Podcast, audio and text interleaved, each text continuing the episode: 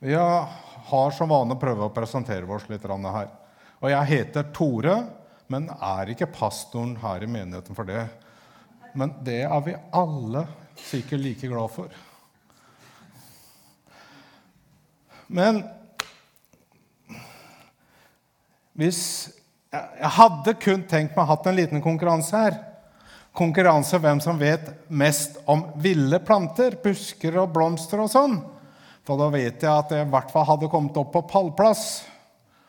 Og Derfor har jeg tenkt nå å begynne å prate litt om trær. Tenkt å lære dere noe nytt. Det er sikkert ikke nytt, for alle sammen kjenner jo gran og furu, regner jeg med. Gran, som er da juletreet vårt med alle de her fine greinene nedover. Og korte barneåler. Og furua, som er litt mer høyreist og ofte når han blir litt stor, har skikkelig kroner og har de lange barnålene.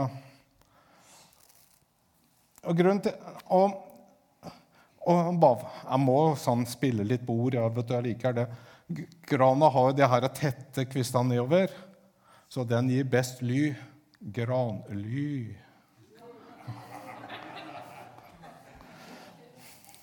Faktisk så har det navnet mitt med det ly for gran å gjøre.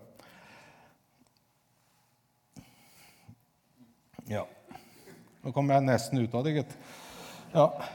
Men har vi gått i skogen og sett sånn rotvelt, så er det ofte furu som ligger der. Og vi ser den der eh, rota som står da rett opp, så ser vi at den er ofte ikke så veldig tjukk. Og det er fordi grana har, bare brer seg utover i overflata. Den, eh, og og når han står i en skog, så er han ikke så veldig og, Så tar han og bare brer seg utover, og så kommer røttene over nabotreet, og under nabotreet rinner røtter, og så naboen holder sånn på, og så blir det et nettverk. Og det er det de holder sammen, på en måte. Og så skjer ting, da. At eh, det blir tømmerhogst, så er veldig utsatt de her grantrea som står igjen i randsonen av den tømmerhogsten. Det er veldig ofte du kan se det blir rotvelt der, eller at det blir en skogsbilvei innover. Og så hender det jo da av og til at det plutselig blir en skikkelig storm fra en annen retning enn jeg er vant med, og det har skjedd noen forandringer, så ligger de der. Den har dårlig rotsystem, derfor velter den mye fortere enn den knekker. Men furua den har kraftige røtter går, og de går mye mer ned. Og det som jeg har erfart med furu, at jeg har en rot i midten som går bare rett nedover. Krabb blir større og større og går lenger rundt steinene og fester seg noe utrolig. Og når furu er stor, så kommer den rota opp igjen i Kina som bambusskudd.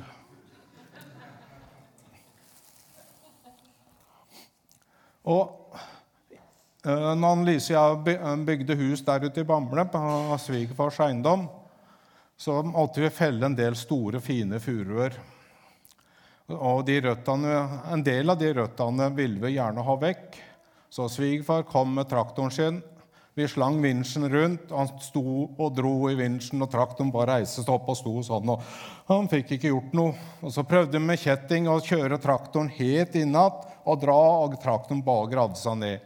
Det kan jo sies at han hadde ikke den mest største og kraftigste traktoren, men jeg tror ingen traktor har klart det. Det, det som klarer å få vekk en sånn rot, det er en skikkelig brøyt. For den rota under holder så godt tak. Men hadde det vært granrot, så hadde jeg bare fått vinsjen innunder noen røtter på andre siden, som bare drar, så vipper bare den over. For han har så dårlig feste. Så det vi kan si da om uh, rota, ei fururot, det er at den er rotfestet. Jeg har prøvd å bruke, få med ukrainsk i dag. Og jeg brukt Google Translate. og Jeg håper den ikke bare oversetter helt vilt. Det vet man jo aldri. Men la oss be. Ja, himmelske Far, vi takker og priser deg fordi vi kan komme, og samles her i et trygt og godt land og kjenne på ditt nærhet og menighetens fellesskap. Jeg ber for hver enkelt at de kan legge til side daglige bekymringer og lytte og tenke igjennom eh, det som blir presentert til denne gudstjenesten. I Jesu navn. Amen.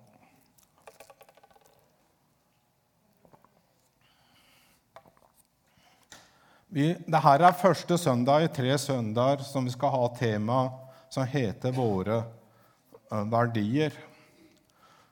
Uh, rotfestet, raus og relevant. Som er Misjonskirken Norge sine verdier, som vi har adoptert. Og de, de, er blitt nevnt på disse tre til én-kveldene, som vi har da siste til torsdag. Men det er bare sånn helt bare toucha de. Derfor skal vi nå tre søndager gå gjennom de tre verdiene. Og som dere har da skjønt, at dere har rotfestet, som eh, jeg skal forsøke å legge ut. Og Vi skal gå mer i dybden, men samtidig så er det så vold... Jeg føler jo egentlig det er rotfestet med underpunktet burde vært fire søndager, men det er så, så det blir litt hardlabb. Men hvorfor skal vi være rotfestet?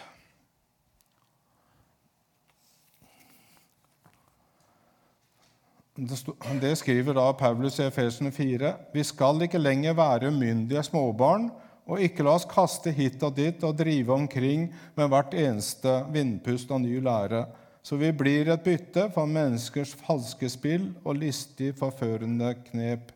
Men vi skal være tro mot sannheten i kjærlighet og ett og alt vokse opp til Ham som er hodet i Kristus. Vi skal være rotfestet for å kunne stå trygt når det stormer rundt oss. Vi skal være rotfestet når vi opplever motgang og eh, angrep fra den onde verden, har sagt. Eller når vi kanskje opplever å flytte vekk fra den forsamlingen vi har vært i, og prøve å søke nytt miljø. Eller noen av de vi har lent oss til alle år i den forsamlingen vi er i, må flytte der. Eller det blir noe ugreier som ofte gjør når det er mennesker sammen over lang tid og har ting. Det kan gjøre at det blir brutte relasjoner, men likevel må vi kunne stå rotfestet og ikke gi det eh, opp Jesus.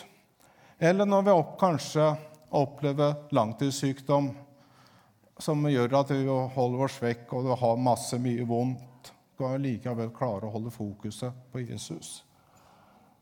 Og så er det det her at vi skal også vurdere hva som blir sagt. Paulus var veldig opptatt av forkynnelsen.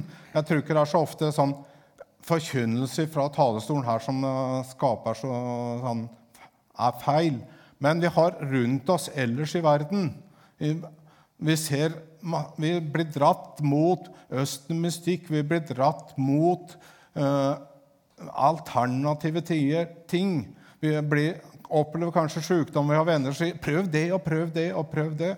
Da må vi være rotfestet for skillene hva som er galt å hoppe på, nær sagt, og hva som kan gå an. Og Hele grunnen til vi skal være rotfestet og trygge, det er jo at vi skal øh, få seiersprisen. Skal vi lese om det? Paulus skriver jo veldig bra om det òg, vet du. Paulus skriver mye bra, han.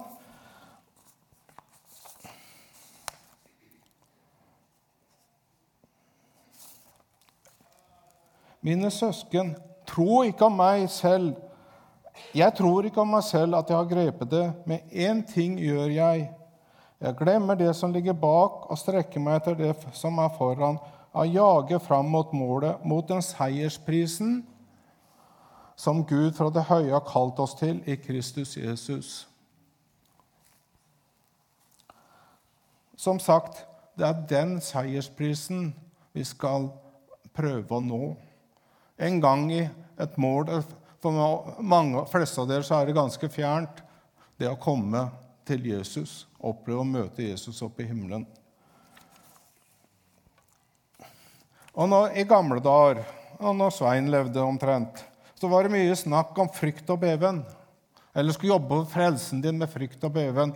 Og det var så lagt ut så veldig det her om at du skulle, måtte være så redd for å gjøre ting og nær sagt, at det på en måte blei veldig mye frykt og lite frelsesvisshet.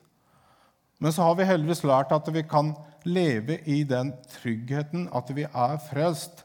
Men vi skal være, være opptatt og bevisste på at vi skal nå det målet som er seiersprisen i himmelen. Og Tove nevnte også det at det er ingenting som kan skille oss. Bare sånn en lite sånn side Ikke sprang, men sånn lite ja. Jeg var veldig glad for at Tove ikke begynte å prøve å demonstrere og skille egg her. For 14 dager siden jeg så det her, var det bare sjokoladepulver over hele bordet her. Så jeg er veldig glad hun kunne prøve på det. Men hun nevnte akkurat det, at det er ingenting som kan skille oss ifra Gud. Det, og sånn står det i Bibelen, og det er riktig. Men det er faktisk noe, en person som kan skille deg ifra Gud. Og jeg kjenner veldig godt den ene personen. Han heter Tore. For det er bare du sjøl som kan skille deg ifra Gud ved at du rett og slett velger den vekk. Fordi du ikke er rotfestet, du er ikke bevisst og glemmer det målet der framme. Og da vil du ikke få seiersprisen. Og nå skal jeg da Jeg nevnte det òg at det jeg burde egentlig hatt fire Jeg tror jeg nevnte det. Jeg skulle hatt fire nesten fire søndag bare på det temaet her. For nå skal jeg gå igjennom de her fire underpunktene som blir nevnt når vi legger fram det her på kveldene. Og det første jeg skal starte med, det er bibelsk forankring.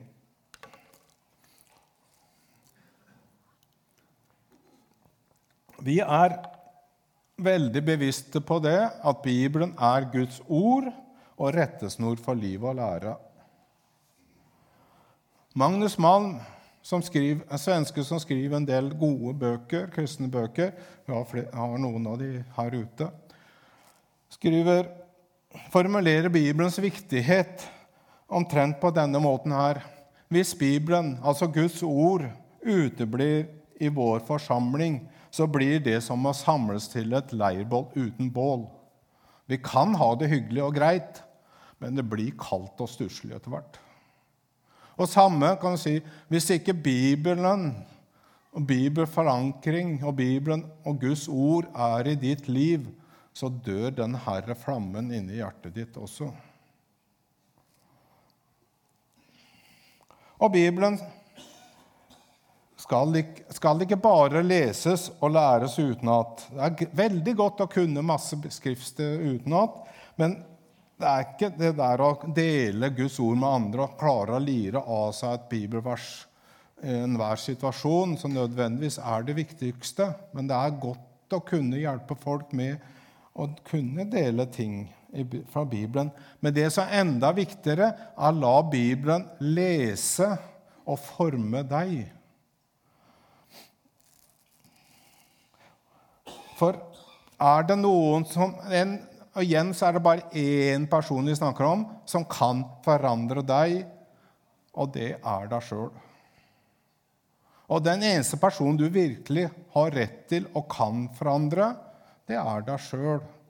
Derfor er det så viktig å lese Bibelen og la den forme deg. Og så la Guds ord forvandle deg så kan du bli den beste versjonen av deg sjøl, som er å være ganske så lik Jesus.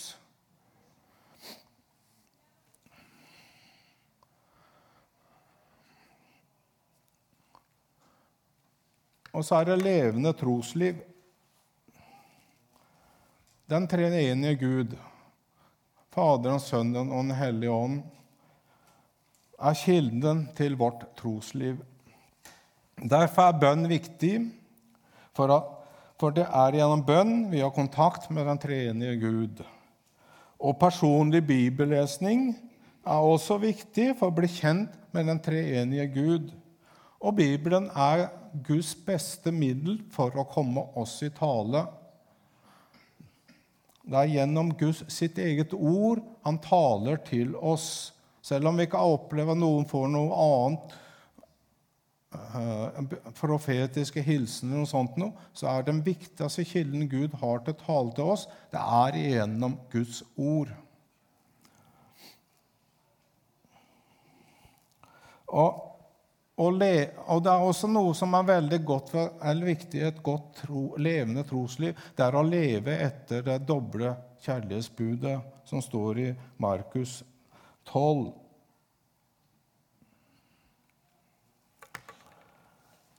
Av skrift, en av de skriftlærde som har hørt på den, dette ordskiftet og lagt merke til hvor godt Jesus svarte, gikk bort, sa, bort til ham og spurte Hvilke bud er det første av alle? Jesus svarte, det første bud er dette, hør Israel, vår Herren vår Gud, Herren er én. Du skal elske Herren din Gud av hele ditt hjerte, av hele din sjel, av hele ditt sinn og all din kraft. Og det, og det andre er dette, du skal elske din neste som deg selv. Ikke noe annet bud er større enn dette. I den åndelige verden så gjelder ikke matematiske regler. For vi skal elske Herren vår Gud 100% og vi skal elske vår neste 100 I et, Har du et levende trosliv, så handler det om at du er på en måte litt i balanse i prosentregningen der. Så du skal til sammen være 100% og det er i åndelig verden. 100 pluss 100 er 100. Sekularisering, som vi ser rundt oss, skjer i stor grad. Det er når vekten tas vekk fra Gud, og fokuset blir bare på menneskene. Og at vi skal på en tekke sti og legge alt til rette for menneskene, mens hva Gud sier, er ikke er så viktig. Men overåndelighet. Da vektlegges Gud så mye at vi mister fokuset på den andre delen vi skal ha, være opptatt av, nemlig vår neste.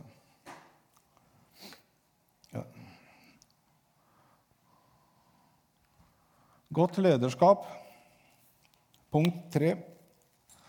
Denne menigheten har et veldig godt lederskap, for jeg sitter både i styre og stab. Eller jeg vil si det på en helt annen måte.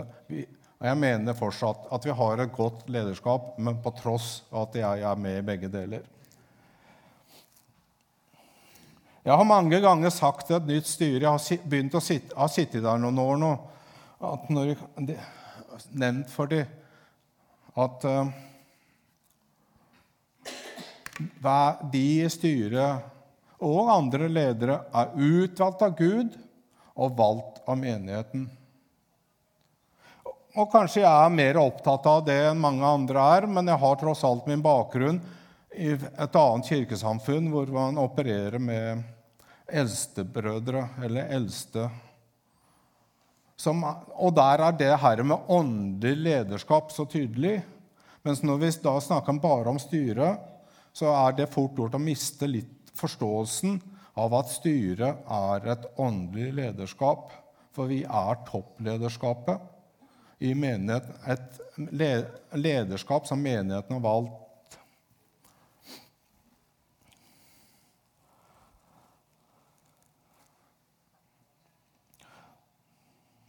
Så altså, vi er det da det åndelige lederskapet. Og, og vi i styret hadde ikke sagt ja hvis ikke Gud hadde inspirert oss til det. Derfor hevder jeg da at vi er det åndelige lederskapet, og vi må ikke miste det av syne. denne menigheten har ikke bare et styre på samme måte som de har i en forening. Vi skal ikke bare ordne med praktisk og få hjula til å gå rundt. Vi har et ansvar for å lede åndelig sett.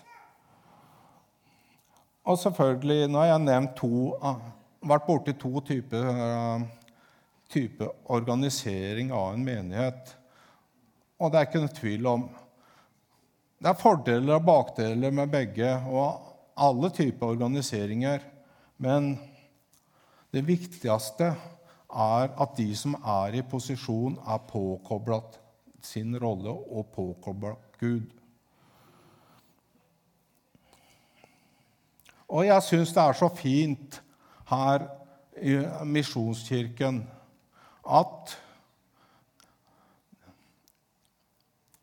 vi velger våre ledere for en kort periode. Og det betyr også at man har muligheten som menighet til velger de bort hvis vi føler de ikke gjør jobben sin. Så det er motsetning til noen hvor det er pastoren som har all bestemmelse og lager sitt eget råd og alt, eller hvor det er da eldstebrød som blir valgt tidlig, osv. Ja, så har vi mulighet til å se han fungerte, hun fungerte ikke. Og så kan vi med neste valgmulighet stemme de bort. Et godt lederskap skal gå foran og vise vei, samtidig skal fly rundt hele tida bak der og utruste uh, folket til å bli gode tjenere og gode disipler av Jesus. Og et godt lederskap tjener menigheten, er tjenere for menigheten og skal ikke herske over dem.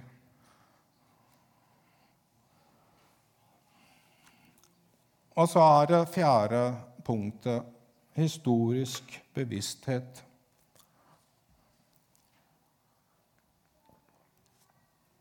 Jeg vet ikke hvor godt dere kjenner til Misjonsforbundet eller Misjonskirken, som det heter nå. Jeg vet ikke, De fleste her kjenner ikke så all verden til egen menighetshistorie heller. Men skal jeg bare dra dere gjennom historie som, på punkter som jeg syns er greit å ta med, og på en måte kan være, gjøre oss litt bevisste. For i 1884 Det er fryktelig lenge siden. Var det representanter fra Skien frimisjon, Larvik frimisjon og Tromsø Frimisjon og sikkert noen til. De var samla borti Larvik, på Langestrand, altså der spahotellet var, men det var ikke den gangen. Men det var på en måte sent, viktigste senteret i Larvik den gangen. Og en annen som var der, var Fredrik Fransson. Det, eh, og han var en norsk-amerikaner som de hadde fått, dratt til Norge for han skulle reise rundt og forkynne Guds ord. Og det var mye rørelser og vekkelser rundt han. Og de bestemte da at de skulle danne et fellesskap. Og det var på en måte begynnelsen til Misjonsforbundet, eller Misjonskirken, vi sier i dag. Og visjonen blei Guds, barns enhet og menighetens frelse. Menneskers frelse, mener jeg. Eller det het den gangen 'synderes frelse', men det har det justert på. Men det er det samme visjon.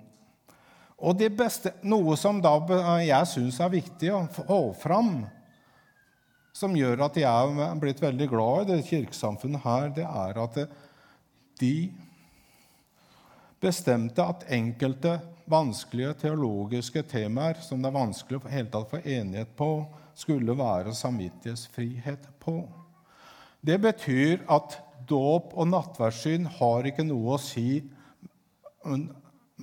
for å bli medlem. Du kan mene hva du vil. En pastor skal egentlig stå og forkynne hva han vil, men ikke forvente at menigheten følger. Derfor er det frihet på det, og det syns jeg er så godt. Fordi jeg igjen har en bakgrunn fra et annet miljø hvor det er veldig tydelige skiller på særlig det greiene her med dåp som skaper ugreier. Derfor syns jeg det er deilig. For vårt mål er jo igjen dette at vi skal få mennesker frelst.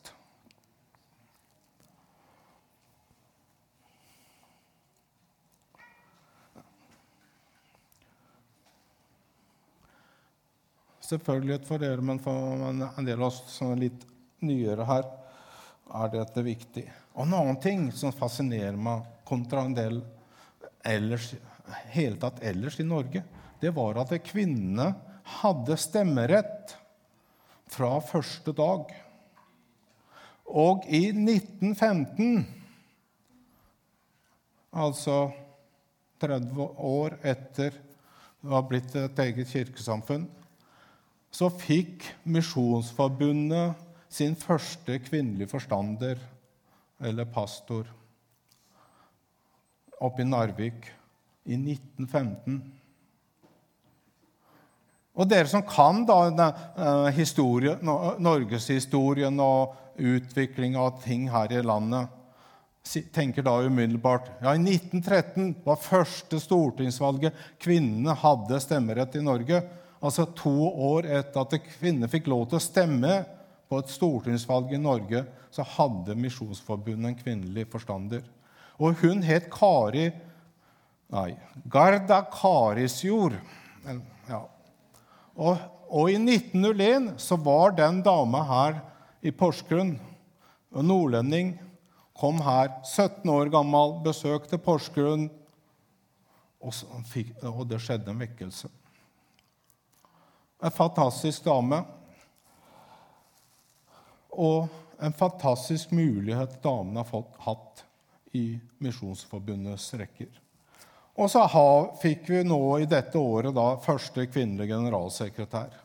Det er ikke det at det er om å gjøre å få kvinner, men jeg er begeistra for at vi ikke ser på kjønn, men ser på forutsetningene. Og så var det vår menighet, da. På, den ble danna i begynnelsen av 1890-åra. Og de starta omtrent Vi vet ikke helt eksakt når det var. men og Samtidig så begynte de, bygge, begynte de prosessen for å få seg kirkelokale, som var da gamle Ebenezer på baksida her. Og bare for å hoppe til neste store milepæl var når det gikk og sånn litt sånn opp og ned. Den ble nesten lagt ned. Men plutselig så var det noen som tok tak, og så ble det oppsving. Så i 1980-tallet så var det en tøff, trosterk gjeng på Ebenezer som satsa på at, og forsto at de måtte ha et nytt kirkebygg for å være så det kunne passe inn i tiden og ha et funksjonelt kirkebygg. Og da blei dette bygget ved hjelp av masse dugnad, masse innsats på det økonomiske og en ivrig, trofast gjeng som virkelig torde å satse. Og hadde ikke de gjort det, dere, så hadde vel mest sannsynlig ikke Porsgrunn misjonskirke eksistert. For da hadde ikke ting vært tidsriktig, passa til de forskjellige aktivitetene. Og etter hvert, hvis det var Jeg vil påstå det. Hadde det vært en, fortsatt vært en Porsgrunn misjonskirke, så hadde det kanskje bare vært en grå forsamling igjen.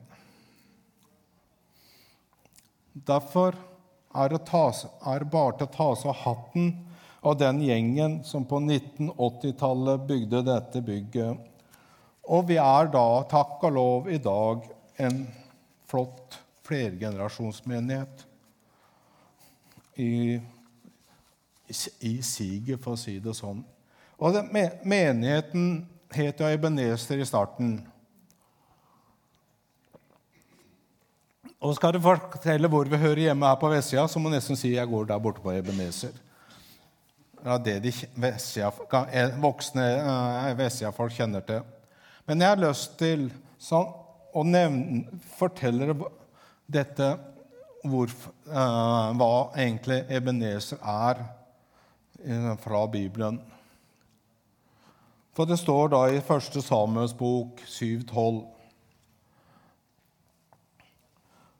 Der tok Samuel en stein og satte den opp mellom Mispa og Skien. Han kalte steinen Eben Eser hjelpesteinen. Og han sa, 'Så langt har Herren hjulpet oss.' Ja, så langt har Herren hjulpet oss. og han skal fortsette å hjelpe oss. Ebenezer er på en måte symbol, ordet er symbol på hva Gud har gjort, hva han gjør, og hva han vil gjøre. Vi er satt her som en, min, en stein som viser at Herren har hjulpet.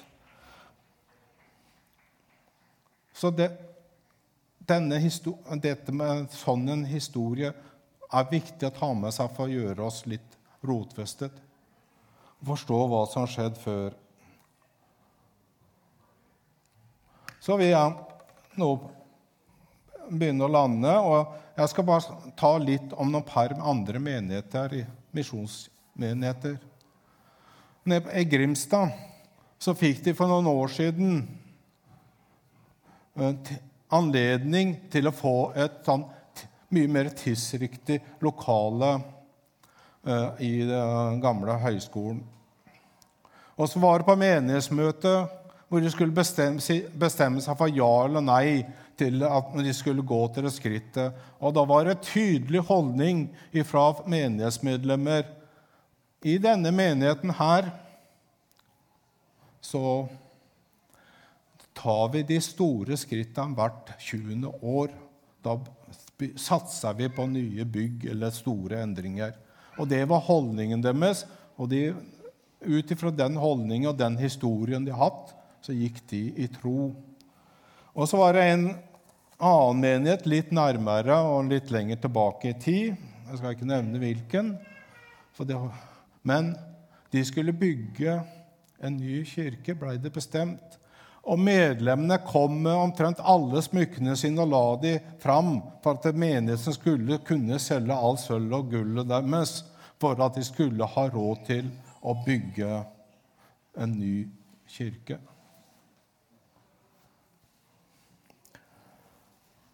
Nå kan dere komme opp. Så en liten, noen per utfordrende spørsmål til dere helt på tampen er vi som utgjør fellesskapet PMK, de neste som skal tore å ta alvorlige steg og satse videre, slik de torde å gjøre for 40 år siden? Vil vi være villige til å oppgi noe av våre jordiske verdier for å satse på framgang i menigheten og menneskers frelse? La oss be. Herre, himmelske Far, vi takker og priser og opphøyer deg. Takker for at du har plassert oss som en hjelpestein her. Og minne om at du hjelper, og for at vi skal kunne hjelpe menneskene rundt oss. Vi ber for hver enkelt. Vi ber for ettertanke. Takk, Far. Amen.